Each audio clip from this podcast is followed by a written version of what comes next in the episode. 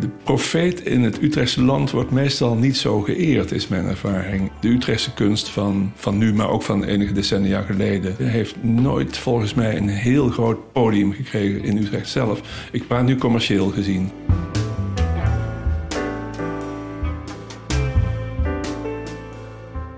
In mijn collectie zit een schilderijtje, een schilderij door Wigman, een antidemocratisch schilderij, wat eh, in de jaren 30 door enige politieke geestverwanten aan Mustard cadeau is gedaan. Maar waarvan gezegd wordt, Mustard had altijd eh, in de hoek van zijn kantoor staan met de achterkant naar voren. Je luistert naar de historische podcast van de Vereniging Oud-Utrecht.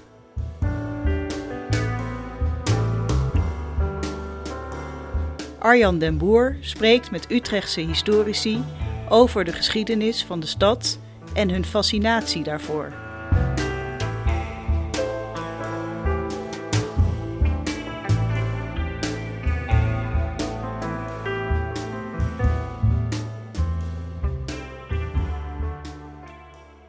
We zijn te gast aan de Hoogravenseweg uh, bij Joep Hafmans, antiekhandelaar, kunstverzamelaar. Dag Arjan. Leuk dat we hier uh, zijn voor de podcast Oud Utrecht. Je bent namelijk een van de leden die uh, geportretteerd is in het uh, themanummer 100 jaar Oud Utrecht. Dat is een van de aanleidingen.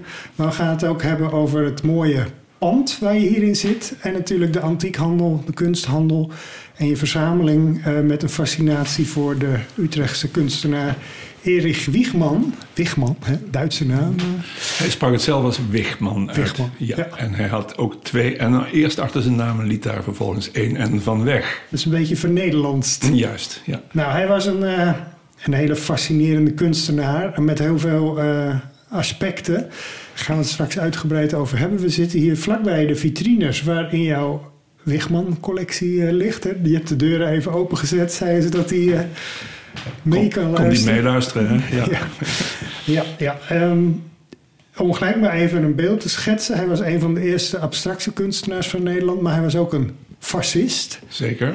We gaan het er straks uitgebreider over hebben. Maar laten we eerst nog je even verder introduceren en de plek waar we zijn ook. Uh, Mijn uh, kunstantiekhandel is gevestigd in een voormalig kerkgebouw midden in de woonwijk Hooggraven. Een, een voormalig stadszendingskerkje. Je moet weten, vroeger was uh, er een hervormde stadszending in Utrecht. De centrale punt zat in de Herenstraat, de Silo geheten. En uh, de gedachte was dat de arbeiders in de arbeiderswijken, zoals Hooggraven er ook een was met al zijn uh, steenovens en pottenbakkerijen, vanuit uh, de binnenstad gecatechiseerd konden worden door het uh, stichten van kleine kerkjes waarin religieuze activiteiten en ook zondagschoolactiviteiten plaatsvonden en allerlei sociale zaken. En dit pand waar wij nu zitten en waar ik al sinds 1978 woon en werk, heeft ook onderdak geboden aan de roemruchte Broeder Alarm. En daar is nog een straat hier in Hoograven naar genoemd. En daar is een straat naar genoemd, hier om de hoek. En hij was zeg maar de evangelist die uh, aan dit kerkje, of ik geloof aan de voorganger van dit kerkje verbonden was. Ja, hij was lekenprediker. Hij was een soort groot sociaal werker in de wijk. Hij was ook heel geliefd. Hij is helaas door een uh, ongeluk in de jaren 60 overleden. Hij is een ongeluk gehad op de Oranjebrug. En er is inderdaad een straatnaam genoemd, ja. Ja, ik kwam er En had ook een mooie naam, Broeder Alarm. Ja? Ik heb nog even overwogen om mijn antiekhandel zo te noemen, maar dat vond ik toch net een beetje te ingewikkeld worden. Ja, en het mooie van dit pand, ik heb me er ook een keer in verdiept, op jouw verzoek overigens. Hè, Ja, dus ik, ja. weet er ook wat van. Het mooie is dat het, uh, het oorspronkelijk uh, een woonhuis was, of twee woonhuizen, maar dat er uh, later, en we hebben toen ontdekt dat dat uiteindelijk in 1941, dat er zo'n mooi torentje aan, aan is Ja. gebouwd. Ja, en het torentje is er nog. En als je nu achter je kijkt, Arjan, dan zie je daar een klein eh, knopje hangen. Daar kun je aan trekken met een touwtje. En dan hoor je het belletje nog wat in de toren hangt. Dat doen we alleen met oud en nieuw hoor. Want we willen de straat niet verontrusten. Dus je wil het nu niet eens doen voor de podcast? Jawel, maar ik denk dat het is buitengeluid dat je het niet goed te horen krijgt. Ik wil het wel proberen, maar Oké, dan gaan we dat, eh, gaan we dat misschien straks Ja, nog, even, ja. Nog even doen. Ehm, ik heb er eh, wat foto's van gezien uit de tijd dat het eh, zo'n evangelisatiekerkje en later een wijkgebouw was. En toen ja, was er ook wel een orgel en een kleine ja, soort kerkzaal. Hè? ja. En ja, dat is de plek, geloof ik, waar wij nu Zitten in jouw Waar- woonkamer Waar wij nu zitten was eh, de woonkamer die op de eerste etage van het pand li- ligt. Is er, die vloer is later ingebracht, want het was dus één grote ruimte. Met alleen een balustrade voor een koortje en met een trapje omhoog. Maar eh, het was een open ruimte en er is later de vloer ingelegd die nu de vloer van onze woonkamer is. En eh, later in de jaren zestig, geloof ik, is het nog een drukkerij geweest. En Ja, een, Drukkerij De Atlas. Ja, klopt. Ja, en hij heeft ook nog een eh, zo'n naaiatelier Ja, gezeten, heeft een, eh, confectieatelier. een confectieatelier. Dat heette Helkova. En dat eh, bood onderdak aan zo'n 40 modinettes... die hier eh, eh, seriematig kleding zaten te naaien. En hier een, een, eh, een, een eh, kantine hadden, wat nu onze keuken is. En die eh, gebouwen, die, of gebouwen, het gedeelte van dit pand wat nog naar achteren doorloopt, dat, die zijn lager. Hè? Die zijn voor die Ja. drukkerij en dat eh Ja. confectieatelier Wat bij de gebouwd. burentuin is, is bij dit pand overkapt... en is, heeft oorspronkelijk een industriële eh, functie gehad. En dat is voor jou nu een hele grote showroom, opslag van Ja, je antiek klopt. Ja, collectie. Klopt, ja. Dat is denk ik ook voor, voor, vergeleken met collega's, andere kunsthandelaren en antiekhandelaren vrij riant. Dat je zo het is veel vrij riant. Het is, eh, je praat toch over een eh, 350 vierkante meter die, eh, die, waar spullen staan. Het is zo, mijn zaak is niet een winkelloopzaak. Ik heb geen winkelbel, ik heb geen etalage. En ik moet ook zeggen dat de laatste twintig jaar het, eh, de, de antiekhandel, mijn handel althans, mijn business, zich het meest heeft verschoven naar het internet. En je hebt dus kennelijk ook wel eh, voldoende collectie, antiek en kunst, om dat grote pand eh, mee te vullen. Eh, volgens mij staan er op dit moment te koop 4500 objecten op mijn website. Ja, dat is toch wel Eh, formaat en- klein museum. hè? En als je dan filtert op verkocht, dan zie je nog het dubbele, denk ik, van de afgelopen 15 jaar of zo. Want dat blijft er ook eeuwig op staan. Maar het is dan verkocht. Wat voor soort eh, objecten ben je, ben je ergens in gespecialiseerd of is het heel breed? Ik ben echt een eh, ouderwetse generalist. En als zodanig hou ik mij bezig met heel veel terreinen. Dat kan zijn eh, porselein, dat kan zijn zilver. Dat kunnen schilderijen en kunst zijn. Dat kunnen ook zeker het gebied wat numismatiek heet. Dus munten en penningen zijn. Onderscheidingen. Eh, collectors items, wat op dit moment heel erg eh, gewild is, zijn bijvoorbeeld militaria. Eh, het, het, het gaat ook over. En, en militaria zijn dat wapens? dat- nee, dat zijn niet zeer wapens. Dat zijn vaak decoratie, hoe heet het, onderscheidingen en, en emblemen. En ook dingen die te maken hebben met, met de Tweede Wereldoorlog in het algemeen. Hè? Of Eerste Wereldoorlog, noem het maar op. Ja. Dus eh, zo zijn er heel veel gebieden waar... eh, En, en, en meubelen, neem ik aan. Meubelen heb ik vroeger veel in gedaan. Ik heb heel wat eh, reisjes naar Engeland gemaakt met een Mercedesbus. Ik kwam dan vol terug. Ging dan vervolgens naar een antiekbeurs en was dan heel veel van die meubels weer heel snel kwijt. Want in die tijd, ik praat nu over de jaren 80, 90 van de vorige eeuw, was het, het, het, het hebben van een antiek meubel in huis net zo gewoon als het hebben nu van, van een IKEA-kast, zal ik maar zeggen. Er was nog geen IKEA. En de jonge mensen wilden heel graag op dat moment hè, eh, een bureau en een spiegel en een kabinetje en een, eh, eh, noem maar op, een stoel. Ja, Antiek, liefst, liefst zo oud mogelijk. maar dat is een beetje mogelijk. voorbij, hè? Dat is een beetje voorbij. Want ik heb behoorlijk. begrepen dat de prijzen van antieke meubelen ook enorm zijn Ja, gedaald. dat klopt. De prijzen, de vraag is heel veel kleiner geworden. Heel veel mensen proberen er ook vruchteloos van af te raken. Want het is heel moeilijk om ze te verkopen. En eh, veilingen zijn ook heel selectief met wat ze aannemen. Want krijgen, krijgen vaak niet eens een bod op het meubel. Hoe mooi het ook kan zijn. Hè? Ja. Want mensen willen het gewoon niet meer in huis, kennelijk. Nee, dat is eh, iets wat de jonge generatie niet meer wil hebben. En de oude generatie wel nog heeft, maar dat gaat op een gegeven moment ook een beetje natuurlijk eh, verdwijnen. Hè? Dus, het is, dus ik loop ook daarom een beetje om meubels heen op dit moment. Plus het feit dat ik als 70-plusser niet te hard weer wil sjouwen. Hè? Nee. Ook Nou, praktisch. achter ja. je staat nog wel een heel mooi eh, antiek meubel. En eh, ja, wat is dat? Een vitrinekast? Dat is een eh, vitrinekast, ja. Met porselein erin. Met eh, een, een, ja, een privécollectie. Hè? Dus het is niet in de verkoop, maar het zijn allemaal dingen die iets bijzonders zijn, volgens mij, en waar ik iets mee heb. En ehm, die in, dat, in die kast terecht zijn gekomen. Ja. Vaak is het niet alleen het bijzondere eh, object waar je over praat, maar ook het bijzondere verhaal wat eraan vastzit. Want een verhaal wat ergens aan een, aan een object vastzit, maakt het object soms veel interessanter en spannender en boeiender dan het object aan zich. Ja, dat Ja. lijkt mij ook. En Ja. dat herken ik natuurlijk ook bijvoorbeeld voor gebouwen. Maar ik kan me ook voorstellen dat je niet de tijd hebt om voor al die 4500 objecten om het verhaal erachter te gaan eh, uitzoeken. Ja, met een soort ijzeren discipline probeer ik toch nog steeds elke dag drie of vier of vijf goede beschrijvingen te maken en goede foto's te maken. En op die manier zeg maar dat, dat, dat object toch een, eh, voor het voetlicht, voetlicht te halen. Ja. Ja. En daarbij eh, ga je op internet zoeken, literatuur eh, Ja, onderzoeken, ja, soms ook de archieven in of, of ga- gaat dat dan te ver?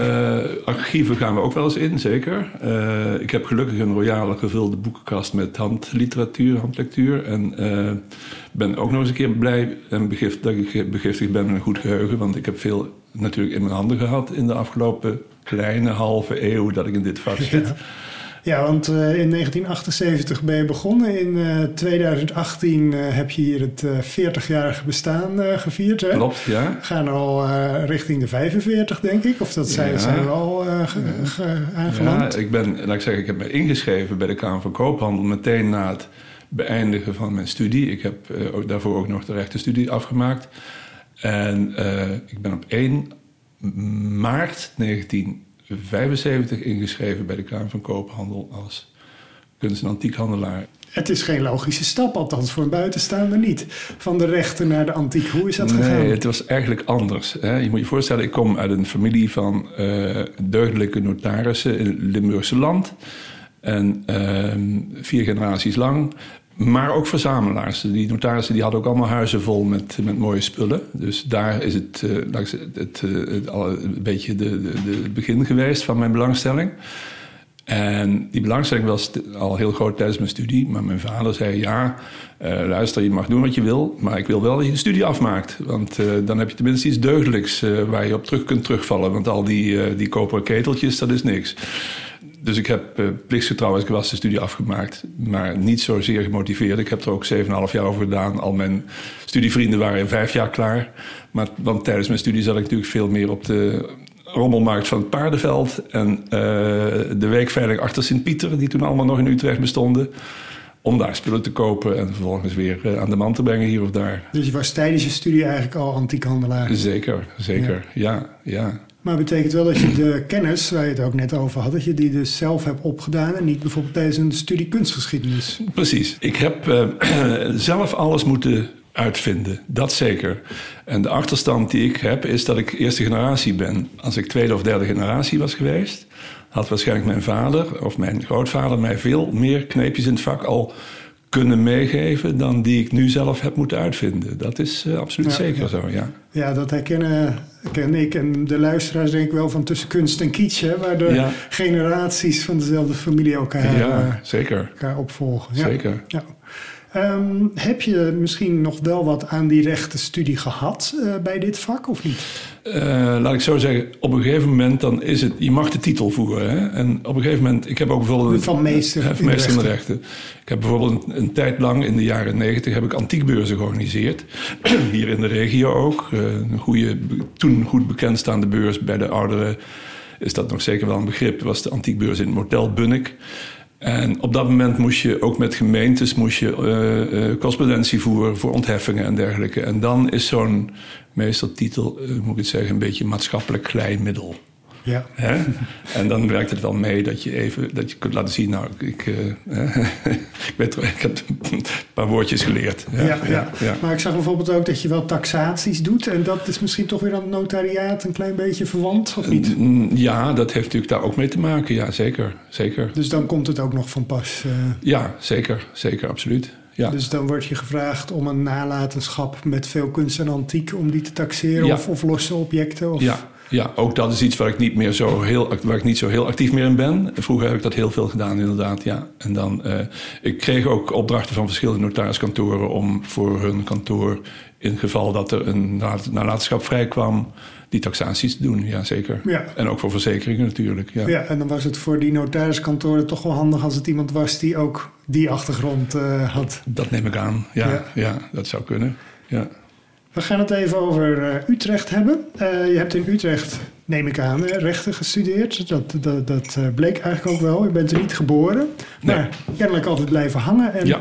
heb je ook in die loop der jaren een, een bijzondere band met Utrecht gekregen? Zowel persoonlijk als beroepsmatig? Ja, ik ben zeker, als Limburger ben ik zeker van Utrecht gaan houden. Ik hou ook nog steeds van Limburg overigens, maar, ik ga er nog graag naartoe. Maar eh, ik heb mij ook altijd wel geïnteresseerd in de geschiedenis van Utrecht. En, eh, en ben ook natuurlijk op veel tentoonstellingen geweest van Utrechtse kunstenaars. En heb me altijd ook wel met, eh, met de Utrechtse eh, zaken bezig gehouden, zeker. Ja, je bent Ja. ook lid eh, van de vereniging Oud-Utrecht. Weet je nog wanneer je dat geworden bent? Oeh, 15 jaar geleden of zo. Nou ja, 20 niet, jaar geleden. niet, niet ook al in de jaren zeventig. Nee, niet al in de jaren 70. Nee, nee, nee. Nee, nee. Maar eh, toch alweer geruime tijd ondertussen, ja. Eh, je beschreef net al, je collectie is eh, heel erg breed. Maar toch valt er ook wel een focus op Utrechtse kunstenaars en ontwerpers Klopt, in te ja. ontdekken. Ja. Is dat in de loop der jaren zo ontstaan of was dat gelijk al zo? Ehm, nou, om twee namen te noemen. Over beide heb ik ook gepubliceerd. Erich Wichman, Chris Achterberg.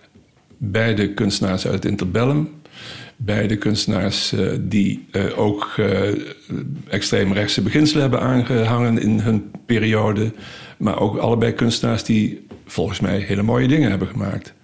En ehm, eh, met Erik Wigman kwam ik eigenlijk in contact door een eenvoudig klein bronzen maskertje wat ergens te koop was, wa- wat mij fascineerde en wat ik gekocht heb. En toen dacht ik, daar wil ik meer van weten. In een later stadium ook voor Chris Achterberg. Heeft er ook mee te maken dat ik in mijn activiteiten als Utrechtse antiquair in Utrechtse inboedels, die in die tijd nog vaak voor de oorlog tot stand waren gekomen, hè, eh, dingen tegenkwam van de hand van die kunstenaars met name. En dan begin je twee dingen bij elkaar te zetten. Dat worden er drie, dat worden vijf en dit wordt een verzameling. Ja, dus Ja. Die, van die twee kunstenaars die hield je voor jezelf, zeg maar. Ja, ja. Op eh, Wichman gaan we nog verder in hoor. Maar er zijn natuurlijk nog eh, veel meer eh, Utrechtse namen die ook in je collectie voor de verkoop dan ja. voorkomen. Mhm. Is daar nou ook een specifieke markt voor?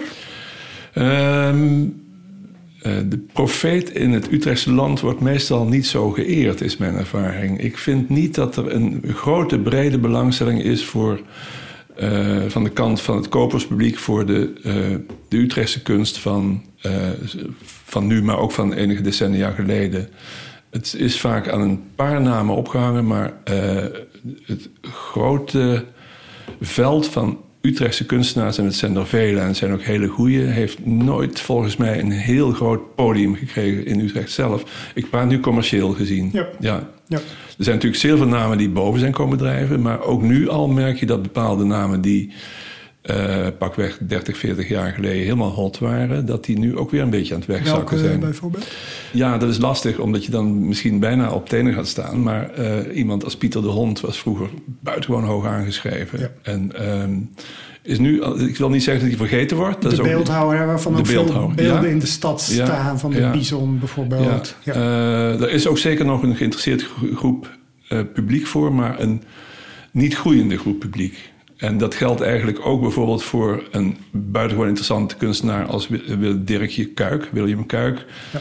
Eh, een van de vele Utrechtse multitalenten, want je ziet ook Dirkje Kuik, ook Erik Wigman, ook iemand als Alain Thijster. Dat waren multitalenten. eh, Die men- mensen konden eh, schilderijen maken, maar ook eh, literair schrijven en zo. Dat is iets wat typisch ook bij Utrecht past, maar dat is een, dat is een ander verhaal. Maar je ziet, je ziet dus een, een niet stijgende belangstelling voor Utrechtse kunst, vrees ik helaas. Ja, dat is jammer. Hè? Ja. Dus het is eigenlijk commercieel eh, niet eens zo interessant om eh, daarop te specialiseren. Dat doe je Ja. meer uit eigen interesse. Zeker, zeker. Als je eh, Utrecht in het, het zoekvenstertje op mijn website zet, Ja, heb ik vanmorgen nog gedaan. ja, kom, kom je toch wel wat tegen, denk Ja, ik. zeker. Ja. Maar inderdaad, daar hadden we het geloof ik al over. Veel penningen, hè? Ja. ja. Ja. En daar zitten zelfs nog penningen bij, als we het dan toch over Utrechtse namen hebben, die door Gerrit Rietveld uh, zijn ontworpen. Zeker, ja. ja. Ook die heeft penningen gemaakt, ja, klopt. Ja, ja zeker. Ik heb de eer gehad uh, één exemplaar aan het, aan het Centraal Museum te kunnen verkopen. Dat hadden ze nog niet in de collectie en stond ook niet in de Oeuvre-catalogus van Gert Rietveld. Dus, uh, dus dat, was echt een ontdekking. Dat was echt een ontdekking, ja, ja, ja, zeker. Heb je vaker van dat soort bijzondere ontdekkingen die... Uh, ja, je komt toch inderdaad inboedels tegen van... Ja, nou, ik, over penningen denk ik nu opeens aan een penning die ik uh, had uit 1713... en die in het buitenland opdook en ik daar maar gekocht heb... En, daar stond een stadsgezicht van Utrecht op. En dat was meteen de oudst bekende afbeelding van de Dom op een Utrechtse penning. En die heeft Oud-Utrecht nog gehaald in een artikel. Ja, ja, dat klopt. Ja. Dus, ja, dus af en toe komt er iets voorbij. Ja. Ja, en as we speak heb ik eh, een uh, collectie, uh, veel van, uh, vele tientallen moderne Utrechtse penningen tot mij gekregen. Die behoorden toe aan een hoge ambtenaar van de gemeente Utrecht, die uh, uh, helaas daar afstand van moest doen, om alle praktische redenen. En daar zitten ook weer hele mooie stukken bij. Uh, ook van bekende namen? Jazeker, Theo van der Vathorst. Ehm, van de deuren van de Domkerk. Van de deuren van de Domkerk en van die, al, al die prachtige, gezellige beelden. Uh, een uitmuntend uh, medailleur overigens. Uh, die, die, uh, die wordt breder dan in Utrecht gewaardeerd. Dat is wel zo hoor. Dus het is ja. een, een hele mooie kunstenaar.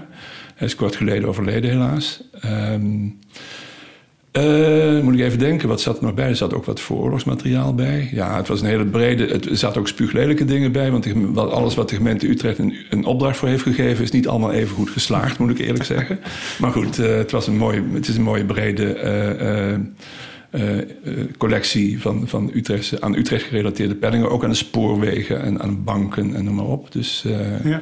is voor mij weer een heel leuke input voor mijn collectie. Die weer in de verkoop gaat op enig moment. Want dat is het lot van alle dingen. Het, het verandert van eigenaar. Hè? Ja. Ooit. Ja. Blijft het nou spannend als je zo'n telefoontje of mailtje krijgt van de, is een inboedel van die of die verzamelaar, van wat je daar dan zal aantreffen? Of er een ja. hoogtepunt uh, tussen zit? Ja, het blijft altijd kriebelen en het is niet leeftijdgebonden. Ja. Nee. nee, echt niet. Nee. Je grootste passie is toch qua verzamelen uh, de kunstenaar Erich Wiegman. Ja. Um, laten we eens beginnen, want uh, je hebt er al iets over hem verteld. Maar om zijn, zijn werk te beschrijven. En dan moet ik, uh, zet ik gelijk even een beeld neer, dan kun jij erop reageren. Het zijn uh, vaak een soort maskers of maskertjes die een beetje doen denken aan de schreeuw van Edward Munch. Ja, klopt. Uh, ja. Is, vind je dat onzin of vind je dat een nee, goede vergelijking? De, de, de, maskers en gezichten en vertrokken gezichten zijn een uh, belangrijk deel van het oeuvre. Het latere oeuvre moet ik erbij zeggen van, van Erik Wigman. En die zijn zowel in 3, 3D, in, in brons. En, ja, die liggen hier vlak bij ons. ja, en zelfs ook in andere materialen uh, uitgevoerd. Hier liggen gipsmodellen.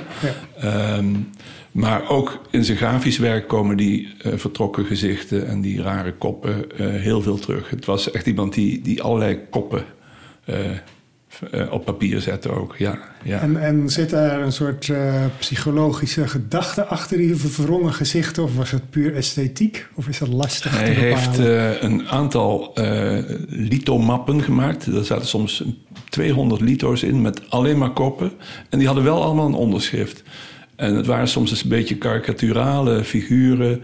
En uh, dat was dan uh, een kunstverzamelaar of een, of een, of een, een officier of zo. Dus hij maakte allerlei soort karikaturale, ehm, verwrongen gezichten. En dat, dat, dat heeft hij gedaan op papier.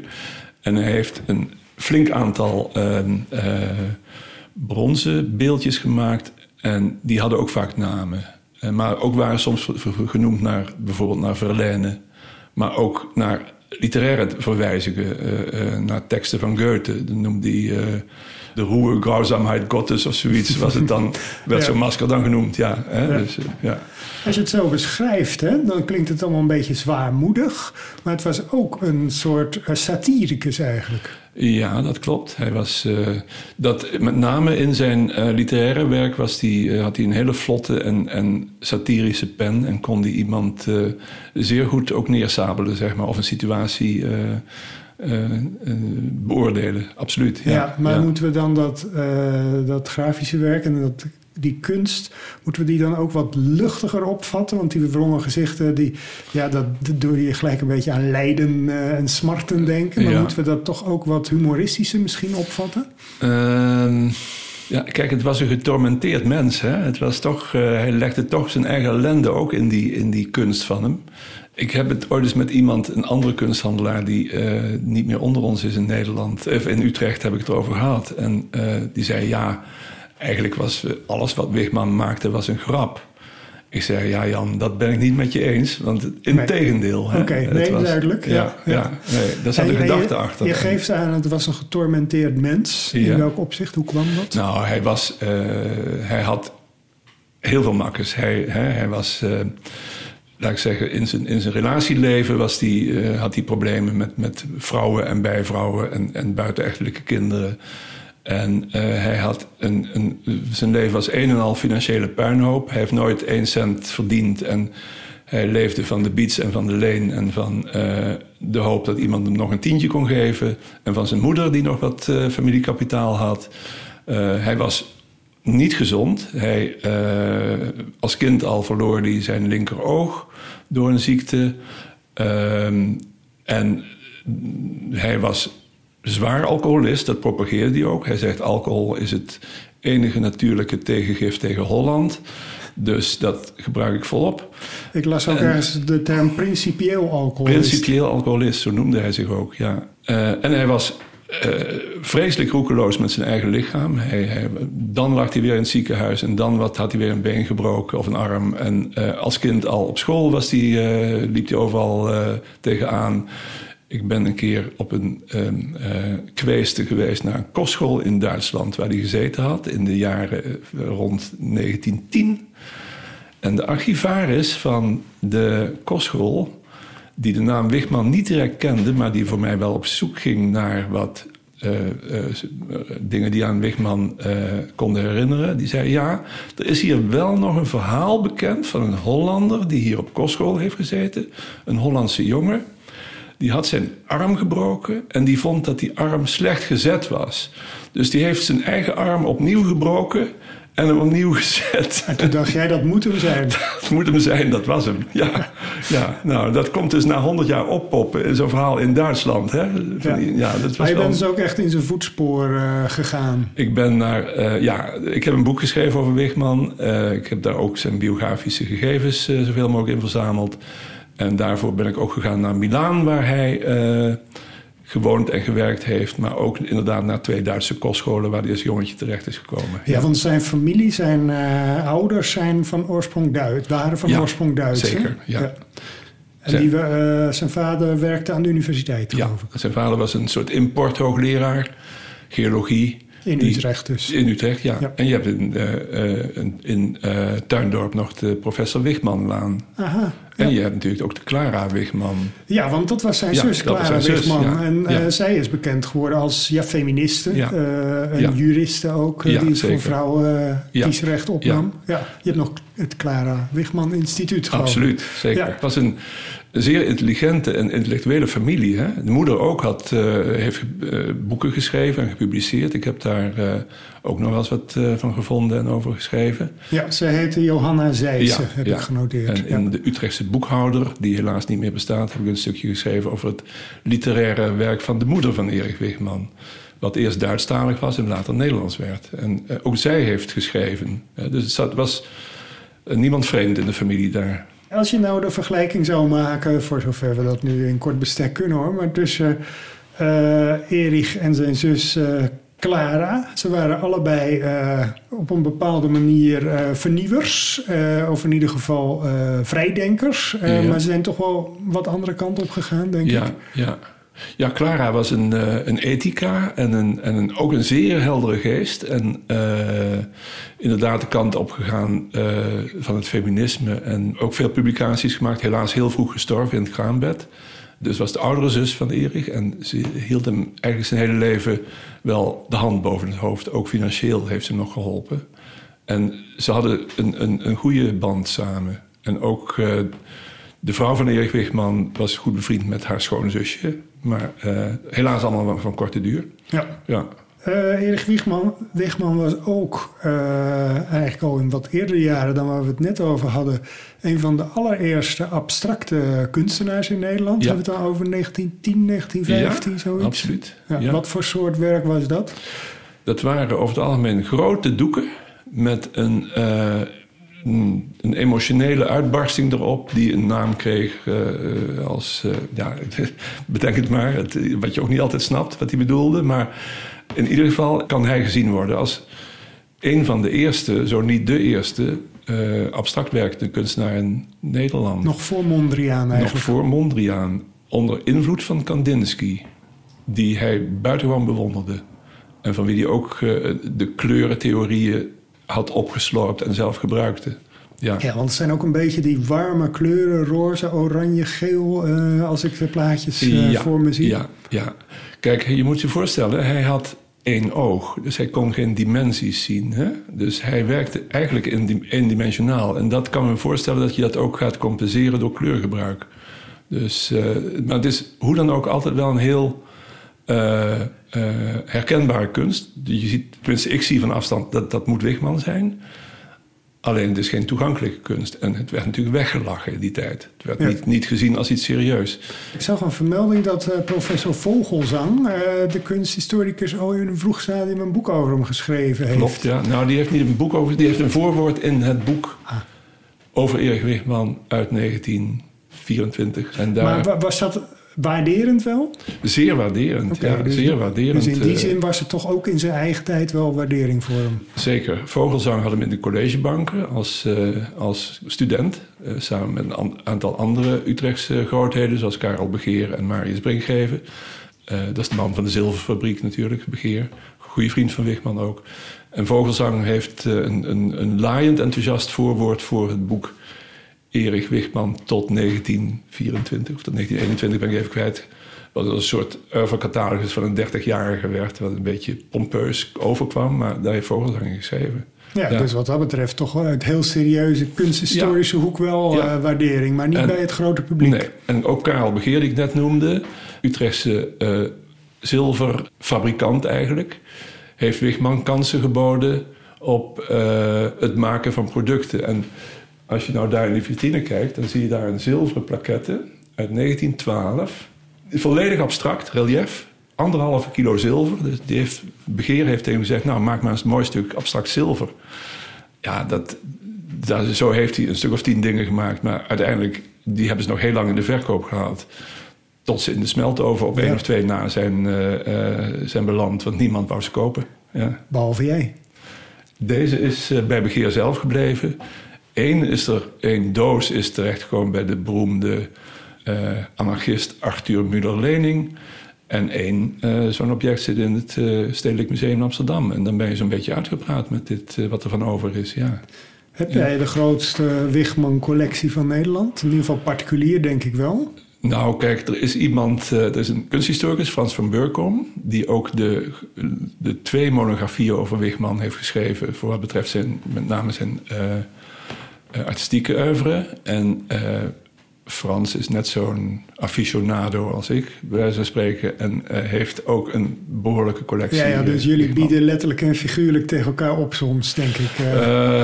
dat valt mee. We kunnen het heel goed met elkaar door een deur. We hebben wederzijds ook een gunfactor, gelukkig. Oh ja, ja. dus je, je, maakt al wat afspraken misschien. Ja, ja, ja, ja. Bovendien komt er bijna niks meer van Wigman op de markt. Dus er valt weinig meer... Nee, nee. nee, nee. Hoeveel objecten heb je ongeveer van hem? Oeh, dat is lastig te zeggen.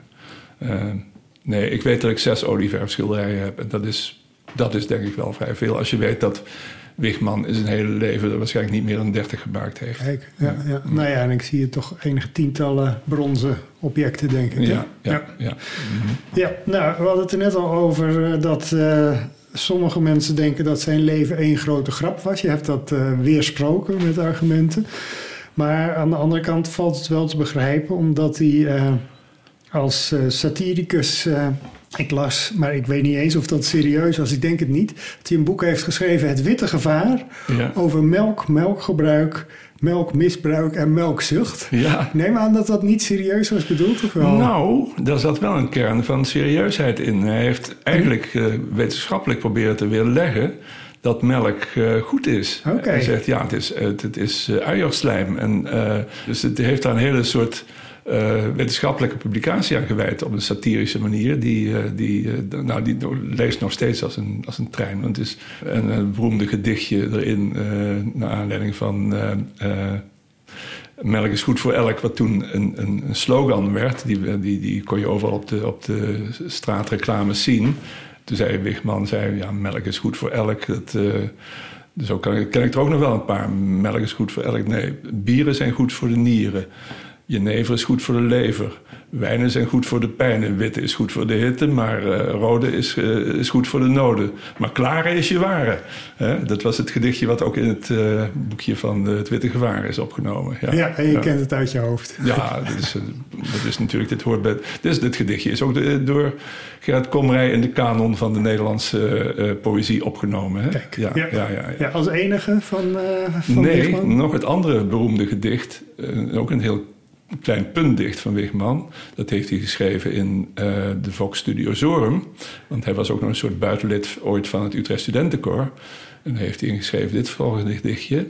Dat gaat... eh, Tot tranen toe ben ik bekommerd. Ik kan nu nooit meer naar de lommerd... omdat mijn hele inventaris al daar is. Ja, ja. En we moeten natuurlijk even noemen dat hij betrokken was bij de Rapooienpartij. Ja. eh, die in 1921 eh, de zwerver Had je me maar in de Amsterdamse gemeenteraad hebben gekregen zelfs. Klopt, geloof ik, ja? Ja, ja. klopt. Eh, dan moeten we wel even voor uitleggen dat hij toen naar Amsterdam verhuisd was. Ja, hij is in de jaren... Rond 1917 is heeft hij Utrecht verlaten, is hij naar Amsterdam gegaan. Klopt, ja. En is hij later nog teruggekomen? Hij is eh, met enige regelmaat teruggekomen. Eh, bijvoorbeeld had hij nog een vrij sterke link met, eh, met het Utrechtse studentenleven, met name het studentenkoor. Hij gaf ook le- lezingen op het PRM. Onder andere heeft hij lezingen Ja. gehouden over het fascisme, dat dan weer wel. Ja. En, maar hij was woonachtig in Amsterdam. Ja. Maar hij was veel in Utrecht, ja. En nog even over die uh, Rapooienpartij. Ja. Dat zal niet iedereen weten, maar misschien kun jij het even uitleggen, ook met zijn betrokkenheid erbij. Ja, nou kijk, de, eh, de basis eigenlijk van de Rapalje-partij is de antidemocratische houding van Wigman. Wigman en velen met hem eh, zeiden na de Eerste Wereldoorlog, die toen net geweest was, aan de, aan de Europese democratieën is het te danken dat er zo'n grote wereldoorlog en al zoveel, zoveel doden zijn gevallen. Die, hadden dat, die hebben dat niet kunnen verhinderen. En eh, zij eh, gingen dus kijken naar, zoals in Italië, de sterke man. De man boven alle, boven alle partijen staand die het eh, zaakje goed zal regelen. Dat was in Italië Mussolini. En de democratie werd verfoeid. Ja, terwijl net En- het algemeen kiesrecht nog maar was ingevoerd. ja, was net ingevoerd. En juist het algemeen kiesrecht werd gezien als een, eh, als een totale dwaasheid. Want, zei Wigman, en er zijn een, als je 100 mensen hebt, daarvan is minstens de helft gek. En als die, halve, die, die meerderheid van gekken op iets gek gaat stemmen, krijg je nooit iets goeds. Dus dat, daar kwam het gewoon op neer. Eh, dus democratie deugde niet. De democratie moest je, eh, dus je moest de, de macht geven aan de mensen die het werkelijk verdienden. Dus een meri- meritocratie. Ja. Of een, hè? En die, en die Rapooienpartij was er dus om aan te tonen hoe slecht eigenlijk de democratie Ja, was. want er was een stemdwang. En eh, toen zei ze, nou oké, dan gaan wij nu een, eh, een partij oprichten. Een, een, een, een volkomen fake partij in, eh, in Amsterdam. Onder leiding, en met als lijsttrekker eh, de beroemde zwerver Had je me maar. Eh, ook een, eh, een, een, een, een markant figuur natuurlijk. En eh, een mislukte bootwerker Bertus Suurbier als tweede, goede tweede. Ze kregen geloof ik eh, eh, 30.000 stemmen of weet ik het, of eh, 20.000 stemmen-. En twee kandidaten van de Rapalje-partij werden in de gemeenteraad van Amsterdam gekozen. Nou, had je me maar, eh, die eh, werd meteen eh, van stadswegen opgepakt wegens openbare dronkenschap, opgeborgen in Veenhuizen. Kon eh, eh, dus nooit in de, in de uh, gemeenteraad zijn. maar die tweede man, die is een beetje onderbelicht gebleven. Die anarchist Bertus Suurbier.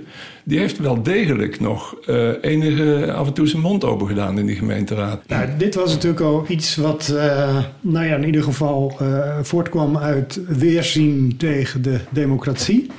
In 1924 ging hij naar Italië en je hebt het al aangegeven dat hij onder de indruk was van Mussolini. En hij uh, werd een zelfbenoemd fascist eigenlijk. Hè? Ja.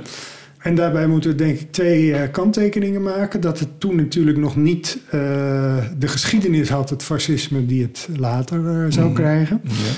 Maar ook dat hij er een hele eigen draai aan gaf. Hè? ja, en wat ik, wat, ik, wat ik dus net al zei, hè, de, de Hij zag eh, de democratie niet als een. Uh, wat, wat, voor ons op dit moment echt ook een heilig iets is, die democratie, werd toen niet als een algemeen aanvaard beginsel gezien. Dus hij zocht naar wegen, ook voor Nederland, om uh, die politieke ideologie een, een, een, een vorm te geven. Het is hem overigens niet goed gelukt, want die, al die partijtjes, ook waar hij bij betrokken was, de bezemgroep en dergelijke, het blijven, bleven marginale verschijnselen. Ja, want er waren in de jaren 20 en 30 heel veel kleine fascistische, proto-fascistische partijtjes. Zeker. Voordat de NSB kwam eigenlijk. Ja, heel veel. En die, eh, die had ook weer vast wel weer onderlinge strijd, eh, ja, denk ik. Ja. ja, die hadden allemaal ruzie. Hè? Dus ja, dat, ja, uh, ja. Wat dat betreft uh, moet je toch ook weer even aan het heden denken. Hè? Ja, ja. zeker, zeker. Heel veel afsplitsingen, heel veel gedoe. Altijd mannetjes en baasjes die dachten het beter te weten. Ja, zeker. Ja. Dat is heel bekend. Maar goed, het, we ontkomen natuurlijk niet aan om vanuit ons standpunt het toch achteraf te bekijken. Hè, waarbij wij uiteraard een zeer negatief beeld hebben bij uh, fascisme. Ja. Uh, terecht, uiteraard. Um, als je nu, als je nu tegen iemand zegt je bent een fascist, dat is een heel groot scheldwoord. Ja, ja. En als je in 1920 zei je bent een fascist, oh dat is iemand is interessant, die, uh, iets interessant, nieuws. Iets nieuws ja, Maar in hoeverre zaten de, de grote negatieve kanten van het fascisme zoals wij die kennen, uh, geweld en onderdrukking, in hoeverre zaten die ook in zijn ideeën? Nou, het was wel zo dat er uh, kijk, hij liep ook met een revolver op zak, is bekend. En uh, af en toe althans. En uh, het was bij hem ook in zijn um, schriftelijke uitingen vaak van het knuppeltje uit de zak. We moeten die jongens aframmelen en we moeten ze een lesje leren en noem maar op. Dus er werd wel ge geweld in ieder geval getheoretiseerd. Er werd niet heel veel gemapt, geloof ik. Maar het, werd, er werd, het werd niet ontweken. Dus dat, dat was wel zeker een fascistoïde ja. vingerwijzing. En bijvoorbeeld antisemitisme, speelde dat een rol? Nee, dat speelde uh, eigenlijk geen rol. De, ik, ik, kan Wigman nergens op een, uh, op een uh, antisemitisme betrappen. Hooguit dat hij in zijn beeldende kunst, af en toe in zijn karikaturale kunst, een journalist met stereotype Joodse gelaatstrekken uit, uitbeeldt. Ja het is toch natuurlijk een, uh, een interessant verschijnsel dat er in die periode best veel intellectuelen en kunstenaars zich tot dat fascisme voelden aangetrokken. Zeker ook in Utrecht. Hè? Ja, absoluut. Ook, ook iets later nog. Uh, uh, Chris Achterberg heb je al genoemd, ja. die ook lid werd van de NSB. Die was maar een ook van de eerste Pijke leden. Koch hè, is Ja, natuurlijk zeker. een heel bekend, uh, bekende Utrechtse kunstenaar die fascistische sympathieën had. Ja. Um, Ja, eh, kijk, als je nou praat over kunstenaars, dat zijn sowieso al altijd een beetje mensen van uiterste. Hè? En dan kun je, uh, dan kun je met zo'n uiterste kun je de ene kant op gaan. Je kunt ook helemaal naar de andere kant gaan. Want er zijn natuurlijk ook heel veel communist-kunstenaars, ook in die tijd geweest. Ja. En um, de geschiedenis heeft vaak geoordeeld, nou, in zwart en wit. Uh, terwijl ook bekend is dat uh, deze kunstenaars onderling het vaak prima konden vinden, ondanks, ondanks hun de extreem... communisten en de fascisten. Ja, zeker. Ja. Dat liep ook kriskras door elkaar heen. Hè? Um, om nou een voorbeeld te geven, wat ik ook in mijn onderzoek naar Wigman uh, ben tegengekomen. Hij was uh, zeer bevriend met Joris Evans. Nou, ja, de communistische filmmaker. Communistische filmmaker. Uh, als er eentje is die, die het wereldcommunisme heeft gepropageerd, is Joris Evans. Maar ja, heeft tot wel, op hoge leeftijd, zelfs in wel, China. Ja. Tot, ja, precies. En hij heeft wel in, de, in het begin van zijn carrière samen met Erich Wigman een fascistische film gemaakt.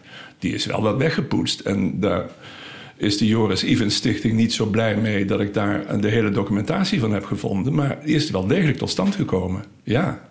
En dan zie je dus ook dat zeker in het vroege stadium die, uh, die politieke uh, uitingen heel erg door elkaar heen lopen. Ja. Ja, het was uh, allebei tegen de gevestigde orde als Dat het zeker, ja. ja. Dat zeker, ja. ja. Wichman is in 1929 al overleden. Hè? Ja. Um, hoe kwam dat ook weer? Was op nieuwjaarsnacht? Ja. En ik heb genoteerd een verwaarloosde longontsteking. Ja. ja. Nou ja, het hele verhaal is eigenlijk dit. Um, Wigman was uitgenodigd met, zijn, uh, met een van zijn kompanen van de, van de Bezemgroep... om een lezing te houden... Die bij, Bezem, dat was een fascistische Dat was een fascistische organisatie. En uh, hij zou een lezing houden bij de Utrechtse studenten op het Janskerkhof... over het fascisme. Hij komt... In het uh, gele kasteel. In het gele kasteel. En hij komt daar en iedereen is daar weg. Want wat blijkt... Uh, op dat moment staat er een, uh, een uh, dijk op doorbreken bij Breukelen. Dus de, de vecht staat zo hoog dat daar eigenlijk het, een overstroming dreigt. Alle Utrechtse studenten zijn daar naartoe gegaan met busjes pendelend vanaf Janskerkhof om daar zandzakken neer te gaan leggen en om die overstroming te keren. En Wigman zegt: Ja, de leer van fascisme is de leer van de daad, dus ik ga meedoen. Hij had zich al behoorlijk ingedronken uh, voordat, uh, voordat hij die lezing zou houden uh, in de Neut. Dat is ook bekend. En tijdens het proces van die, die dijkdoorbraak heeft hij zichzelf goed warm gehouden met cognac en grog. En volgens velen heeft hij, volgens de ene partij heeft hij daar geweldig werk gedaan. Dat waren ze meer de politieke geestverwanten, maar volgens andere mensen heeft hij zich daar meer bezig gehouden met rondlopen zonder doel en, en, en, en, en, en wartaal uitslaan. Hoe dan ook, we zijn er niet bij geweest, maar we weten wel dat hij aan die nachtelijke escapade een longontsteking heeft overgehouden. En uiteindelijk heeft, heeft hem dat zijn leven gekost, want twee weken, drie weken daarna is hij aan die gevolgen daarvan overleden. In de nieuwjaarsnacht van 1929. Uh, als die niet was doodgegaan, hè, het is natuurlijk uh, koffiedik kijken, maar denk je dat hij lid zou zijn geworden in 1932, denk ik, van de, van de NSB en later ook zeg maar het Duitse nazisme had, ontarmd, had omarmd? Of? Die vraag is al in die tijd gesteld. Het is, kijk, enerzijds is het zo dat, dat de NSB hem wel uh, als een voorloper van hun gedachtegoed heeft gepropageerd. Dus heeft willen inlijven. Maar in die tijd waren al vele uh, vrienden en, en geestverwanten van Wigman die zeiden: Oh nee, hij had zo'n onafhankelijke geest. Hij was zo'n individualist. Hij zou nooit lid zijn geworden van de NSB. Dat zou, dat zou tegen zijn uh, hele karakter zijn ingegaan. En, uh, maar dat is een what-if-vraag. Maar in ieder geval, die is toen al op deze manier beantwoord. Ja, ja je denkt ja. dat dat. Uh, Ik denk dat dat, dat dat een hele, hele redelijke basis is, die, uh, ja, die nou veronderstelling. Ja, zijn kunst zou ook ongetwijfeld als entaardend beoordeeld geworden zijn, natuurlijk. Precies, dat is, dat is ook zoiets, ja. Hoewel in mijn collectie zit een schilderijtje, het regeringscompromis, een, een antidemocratisch schilderij wat uh, in de jaren dertig door enige politieke geestverwant, een schilderij door Wigman, uh, uh, aan, aan Mustard cadeau is gedaan. Maar waarvan gezegd wordt, Mustard had altijd in de hoek van zijn bureau, van zijn kantoor staan met de achterkant naar voren. En na de oorlog is het terechtgekomen bij een zeker meneer Muldijk. Dat was de hoofdredacteur van Volk en Vaderland. En die is bij jou? En deze meneer Muldijk had een neef in de wijk Hooggraven. Kijk. En die uh, had ik al eens gevraagd, wil je dat niet verkopen? Uh, en toen op een gegeven moment zei hij, nou ach, ik wil het nu wel verkopen. Dus nu hangt het bij mij, ja. Uh, ik kan me voorstellen dat in de waardering achteraf, of ik kan me voorstellen, dat is ongetwijfeld zo, dat dat fascisme natuurlijk geen pluspunt was voor de erkenning van Wigman als kunstenaar. Bijvoorbeeld zeker niet in de naoorlogse jaren. Nee, klopt. Ik, ik, ik, focus nu even op het Centraal Museum. Ja. In 1963, als ik het goed zeg wilde men in Utrecht een tentoonstelling wijden aan Erik Wigman. En uh, daar is toen in de gemeenteraad heel veel over te doen geweest. En er is een motie aangenomen, ingediend door de PvdA, om die tentoonstelling niet door te laten gaan. Ja, dus die werd gecanceld, die werd zouden gecanceld. Wigman werd in 1963 gecanceld, lag veel te gevoelig. Uh, de uh, mevrouw die daar tegen was, was overigens de PvdA gemeenteraadslid, de moeder van Philip Frederiks, mevrouw Frederiks. En die heeft het geblokkeerd voor een groot deel. Waarop Sandberg van het Stedelijk Museum zei, ook een socialist overigens, Ja. maar veel ruimhartiger, dan komt hij bij ons. Dus er is in 1963 wel degelijk een Wigman tentoonstelling geweest. Maar die is in het, Centraal, in het Stedelijk Museum in Amsterdam gehouden. Toen is er in, dan weer terug in de tijd, in 1983, kwam de eerste belangrijke publicatie uit over Erich Wigman van de hand van Fran- Frans van en Hans Mulder. En ehm, ook toen is er een grote tentoonstelling in het Centraal Museum eh, geweest. En als je de krantenstukken van toen leest, lees je nog heel veel voorbehouden en heel veel eh, termen van ja, hij was dan wel hartstikke fout, maar hij maakt toch interessante dingen. Daarna zijn er nog twee tentoonstellingen geweest. En in 2018 is het nog een geweest. Ja, dat is, dat is de laatste. Dat is, eh, daar is ook een groot deel van mijn collectie tentoongesteld. En toen was het beeld toch behoorlijk gekanteld naar... kijk eens wat een interessante man. Er kleven ook wat eh, mindere aspecten aan vast... maar toch ook wel weer interessant. Maar hij werd veel meer gewaardeerd en genomen zoals hij was. Dus het, het politieke aspect gaat steeds meer naar de achtergrond... wat natuurlijk ook te maken heeft dat de generatie die het aan de lijf heeft ondervonden... wat die politieke gedachtegang kon inhouden... ook natuurlijk langzamerhand aan het verdwijnen was. Ja, ja, aan de andere Ja. kant denk ik dat de Tweede Wereldoorlog bepaald niet vergeten is. En interessant dat dat voor deze kunstenaar en bijvoorbeeld ook voor Pijke Koch... Dat misschien omdat ze ja, meer in die vroege fase van het fascisme zaten... dat dat toch scheelt in de negatieve beeldvorming. Ja, zeker. zeker. Dus, het- kijk, er is eh, Wigman in ieder geval geen... eh, er is misschien wel een, een, een extreem gedachtegoed eh, geweest... maar er zijn ook geen foute handelingen aan te, aan te rekenen. Hij, heeft, heeft zich niet, hij is nooit oorlogsmisdadiger geweest of wat dan ook. Hè. Zoals gezegd, ook nu met de belangstelling die dat nu heeft... dat eh, heel breed... wordt dit, ook, dit hele verschijnsel ook meer gezien als interessant... dan als iets waar je per se een zwart of wit of eh, goed-fout oordeel over moet geven. Ja, Hm? Ja. ja.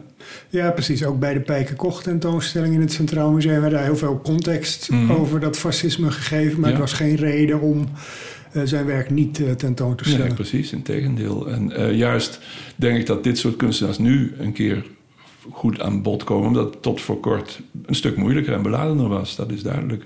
En merk je zelf als verzamelaar ook wel eens eh, negatieve eh gedachten over hem? Omdat eh, ja, je hebt natuurlijk zo'n fascinatie voor twee, ja, ik noem het toch maar even voor het gemak, foute kunstenaars. Ja, maar niet echt. Straalt het op jou af of Nee, niet? nee, niet echt. Nee, nee. Ik, als het gesprek of de discussie een beetje een, een ehm, eh, bepaalde richting uit zou kunnen gaan, zeg ik ook vrij snel, meestal, ik deel het gedachtegoed niet, maar ik vind het wel heel interessant. Ja. Ja, en zo is het ook natuurlijk.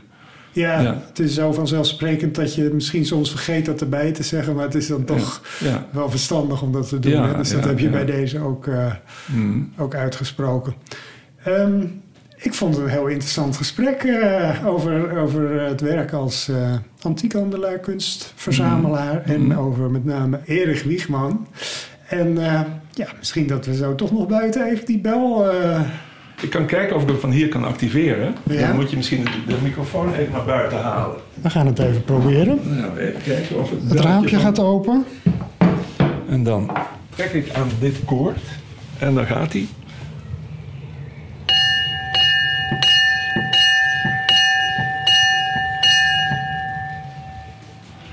Dat was eh, de kerkklok van de Hoogravensweg. Dit was eh, broeder Alarm. Avant la lettre.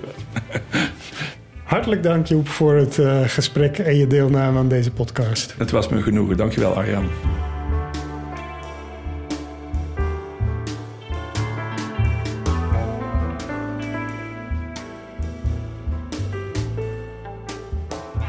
Je hebt geluisterd naar de historische podcast van de Vereniging Oud-Utrecht. Samenstelling Arjan den Boer. Wil je deze podcast blijven volgen? Abonneer je dan via de gebruikelijke platforms of via www.oud-utrecht.nl.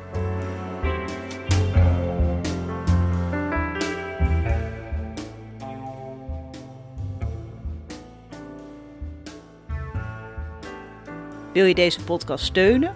Word dan lid van de Vereniging Oud-Utrecht en je ontvangt ook zes keer per jaar het tijdschrift Oud-Utrecht, het jaarboek en de uitnodigingen voor activiteiten. Meer informatie www.oud-utrecht.nl